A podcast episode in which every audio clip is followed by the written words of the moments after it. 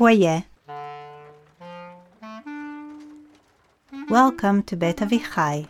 We're glad to have you here and welcome you to join us on an audio tour of the Anatoly Kaplan The Enchanted Artist exhibition.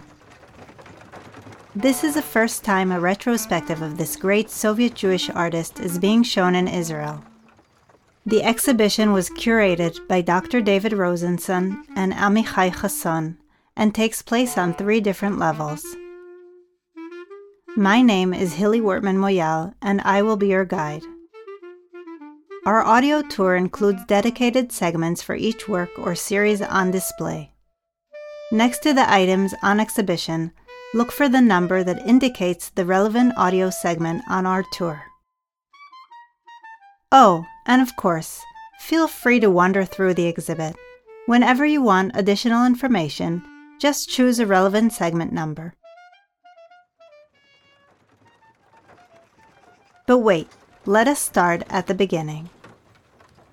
Anatoly Kaplan was born in 1902 in the small Pale of settlement town of Rogachov, located on the banks of the river Dnieper, in the Gomel region of modern day Belarus.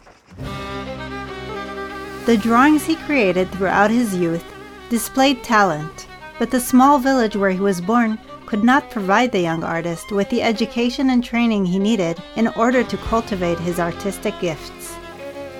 At the age of 20, Anatoly Kaplan moved to Petrograd, today's St. Petersburg, where he was accepted into Russia's prestigious art academy. The year was 1922, and the nation, his new home city, and the art academy were all in great chaos. The previous decade had seen the collapse of the Russian Tsarist Empire and the establishment of the USSR, which also brought on many changes and upheavals in artistic approaches.